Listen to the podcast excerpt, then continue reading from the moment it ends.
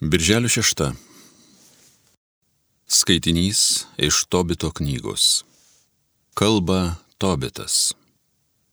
Palaidojęs mirusį, tą pačią naktį aš įsimaudžiau, išėjau į kiemą ir atsiguliau kiemo pamūrėje pamiegoti. Kadangi buvo šilta, aš neprisidengiau veido. Nežinojau, kad virš manęs mūrė būta žvirblių.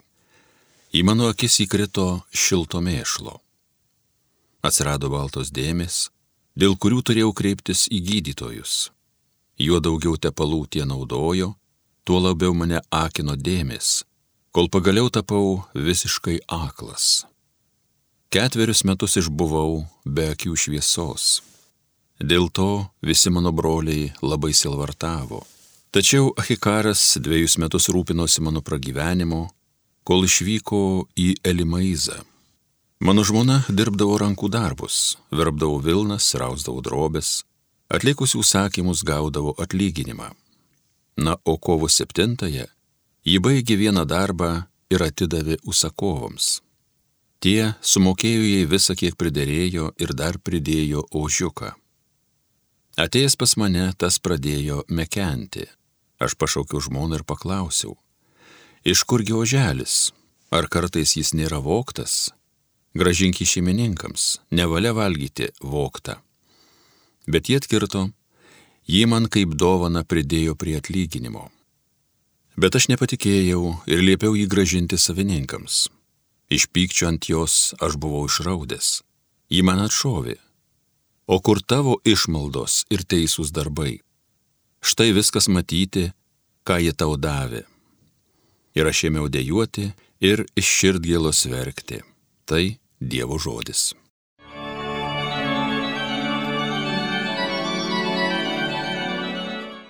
Širdis teisuolio drasi, ji viešpačių vilės.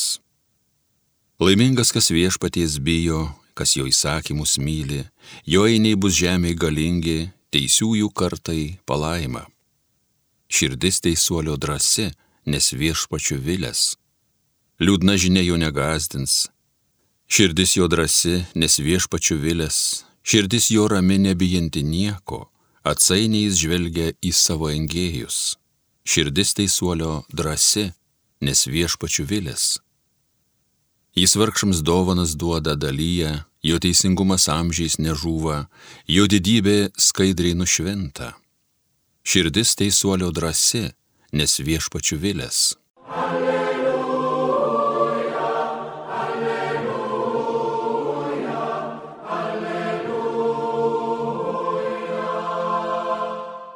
Mūsų viešpatis Jėzaus Kristaus tėvas te apšviečia mūsų dvasios akis, kad mes pažintume, kokia yra viltis, į kurią esame pašaukti. Alleluja, alleluja, alleluja. Pasiklausykite Šventojios Evangelijos pagal Morku. Pas Jėzų atsiųsta fariziejų ir erodininkų sugauti jo kalboje. Šitie atėję sako jam, mokytojau žinome, jog esi tiesia kalbys ir niekam nepataikauji. Tu neatsižvelgi į asmenys, bet mokai Dievo kelio, kaip reikalauja teisybė. Valia mokėti į ciesoriui mokesčius ar ne? Mokėti ar nemokėti? Matydamas jų veidmainystę, Jėzus tarė, kam spendžiate man pinklės? Atneškite man pažiūrėti denarą. Jie padavė. Jis ir klausė, kieno čia atvaizdas ir įrašas. Jie atsakė ciesoriaus. Tuomet Jėzus jiems tarė, kas ciesoriaus atiduokite ciesoriui, o kas Dievo Dievui. Ir jie be galo juo stebėjosi. Girdėjote viešpaties žodį.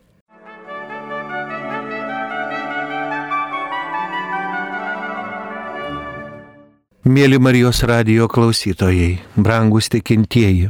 Šios dienos Evangelijoje mes girdime ištrauką iš fariziejų pokalbio su Jėzumi. Jie užduoda jam suktą klausimą. Valia mokėti ciesoriui mokesčius ar ne? Mokėti ar nemokėti? Mokėti mokesčius imperatoriui buvo gėdinga, nes tai pabrėžė vergišką Izraelio tautos padėtį. Ir visi tai laikė blogiu. Mokėjimas mokesčių okupantams romėnams prasidėjo Judėjoje 63 metais prieš Kristų. Todėl šie mokesčiai buvo skaudus, buvo laikomi vergovė ženklu. Ir jeigu Jėzus atsakytų, kad nereikia mokėti, tai jis taptų maištininku. Ir tuomet romėnų rankomis jis būtų užmuštas. O jeigu jis pasakytų mokėkite, tuomet akimirksniu taptų Izraelio tautos priešu ir nuo jo visi nusigręžtų. Tačiau Jėzus pasielgia nepaprastai išmintingai. Jis paprašo paduoti jam monetą, denarą. Ir klausė jų, kieno atvaizdas ant monetos, kas parašyta. Jam atsakė Ciesoriaus, o ant monetos buvo parašyta Tiberijus, imperatorius, dieviškojo Augusto sūnus Augustas. Jėzus akivaizdžiai parodo, kad jeigu judėjai būtų nepriklausoma tauta, neturėtų denarų savo apyvartoje. Naudojimas romėnų pinigų aiškiai rodė judėjų priklausomybę nuo Cezario. Ir jie privalo žiūrėti šiai karčiai tiesą į akis. Tuomet Kristus apibendrina, kas Ciesoriaus atiduokite Ciesoriui, o kas Dievo Dievui. Su Ciesariu tapo viskas aišku. Tačiau Jėzus kviečia juos atiduoti Dievui tai, kas Dievo. O tai reiškia tikėti juo. Tikėti tuo, kurį Dievas atsintė. Atiduoti tai, kas Dievo, tai viešpati šlovinti, garbinti, jo klausyti ir jam tarnauti. Ir visų svarbiausia - mylėti viešpati savo Dievą visą širdimi, visą sielą ir visų protu. Jėzus pateikia lemiamą krikščioniškojo gyvenimo kriterijų. Dievas, Ciesorius, kiekvienas jų turi savo vaidmenį. Niekada nelaikyk Cezario Dievu niekada nenužemink Dievo į Ciesoriaus lygį. Kas Ciesoriaus atiduokit Ciesoriui, o kas Dievo Dievui. Tai vienas iš populiariausių posakių ir įdomus, žvelgiant kaip liturginis skaitinys. Ir ne tik dėl nepaprastos gelmės ir Jėzaus žodžių aiškumo. Tai istorija tai tikslus dabartinio pasaulio santykių su Dievu atspindys. Kaip žinome, fariziejai ir erodininkai tarpusavyje buvo blogose santykiuose. Tačiau spesdami Jėzui pinklės ir norėdami sukelti nepasitenkinimą juo, jie greitai surado bendrą kalbą. Taip kaip vėliau Piloto ir Erodo priešiškumas pasibaigė, kad atsirado galimybė pasityčioti iš Jėzaus. Šiandien panašią situaciją stebime kiekviename žingsnyje. Nesutaikomi politiniai priešininkai momentaliai susivienyje, kada kalba eina apie prieimimą įstatymų, ciniškai pažeidžiančių Dievo įsakymus. Įdant suniekinti valdžiai neparankų asmenį arba kultūrinį judėjimą, daugybė žmonių lengvai peržengia per abipusius nesutarimus, pavirsdami į giliai nemastančią minę. Žinoma, blogis negali sukurti realios vienybės ir išnykus persekiojimo objektui, buvę priešiškumai tampa dar stipresni. Tačiau reikia pripažinti, kad matydamos šventumą ir tikėjimą, blogio jėgos yra pajėgios susitelkti ir kažkurio momentu tapti baisia jėga. Šios dienos Evangelijos skaitinio tragizmas yra didesnis tuo, kad Jėzaus priešininkai puikiai suvokia, kas yra Kristus. Mokytojau, žinome, jog esi tiesia kalbys ir niekam nepataikauji. Tu neatsižvelgi į asmenis, bet mokai Dievo kelio, kaip reikalauja teisybė. Mes matome, kai puikiai Kristus išsisuka iš sunkios padėties ir savo atsakymu daug ką pamoko. Judėjams buvo draudžiama vaizduoti žmogų, todėl jiems buvo negalima net prisiliesti prie monetų su imperatoriaus atvaizdu. Labai aišku, jo klausimas apie santyki tarp žmogaus socialinių pareigų ir sąžinės yra labai aktualus visais laikais. Jėzus bando mus išmokyti būti dorais piliečiais ir tikrais krikščionimis vienu metu. O tai labai sunku. Neatsitiktinai čia kalbame apie mokesčius, nes niekam niekada nepatiko mokėti mokesčius. Labai dažnai atsitinka, kad krikščioniais mes būname tik bažnyčioje, o peržengdami jos lengstį į gatvę, tampame mamonos pinigų tarnautojai. Žinoma, mes privaloma mokėti mokesčius Mes turime mokėti užsidirbti pragyvenimui tiek galva, tiek rankomis. Ir kiekvienas mūsų darbas privalo būti teisingai apmokėtas. Ir čia reikia savęs paklausti, ar egzistuoja Dievo baiminga alternatyva tokiam mūsų gyvenimui? Ar egzistuoja toks idealus krikščioniškas gyvenimas, esantys toli nuo mūsų prekybinių piniginių santykių?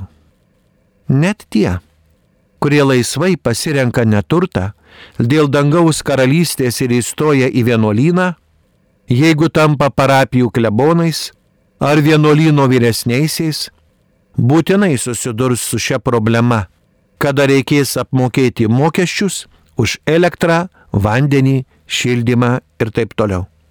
Pašaukti gyventi pasaulyje, kaip krikščionys mes privalome ne tik mokytis dvasinio gyvenimo paslapčių, bet ir žemiškojo gyvenimo įstatymų. Reikia mokytis būti teisiais visuose savo veiksmuose, tame tarpe ir susijusiais su pinigais ir su mokesčiais. Turime mokėti teisingai juos uždirbti ir išmintingai juos panaudoti. Garsus Jėzaus atsakymas, kas Ciesoriaus atiduokite Ciesoriui, o kas Dievo Dievui, moko žmonės atsakingo atskirimo. To, kas pasaulyje atitinka Dievo valiai ir to, kas prieštarauja Dievo valiai. Jėzus pripažįsta pasaulietiškos valdžios teisėtumą ir piliečių pareigą būti atsakingais visuomenės, kurioje gyvena atžvilgiu. Šiuo atveju mokesčių mokėjimas tai labiausiai akivaizdus būdas jausti save sociumo dalimi. Tuo pačiu Jėzus primena mums apie tai, kad šalia pilietinių pareigų egzistuoja žymiai aukštesni reikalavimai ir pareigos. Tai, ką reikia atiduoti Dievui, yra žymiai svarbiau.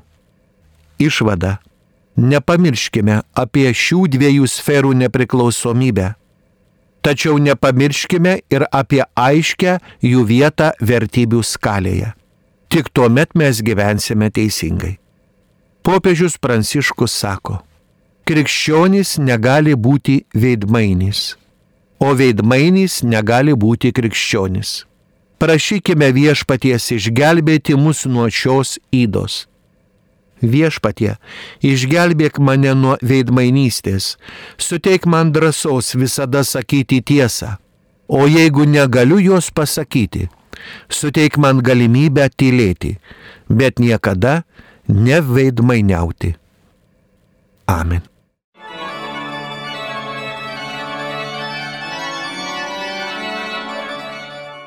Homilija sakė teologijos mokslų daktaras monsinjoras Artūras Jėgelavičius.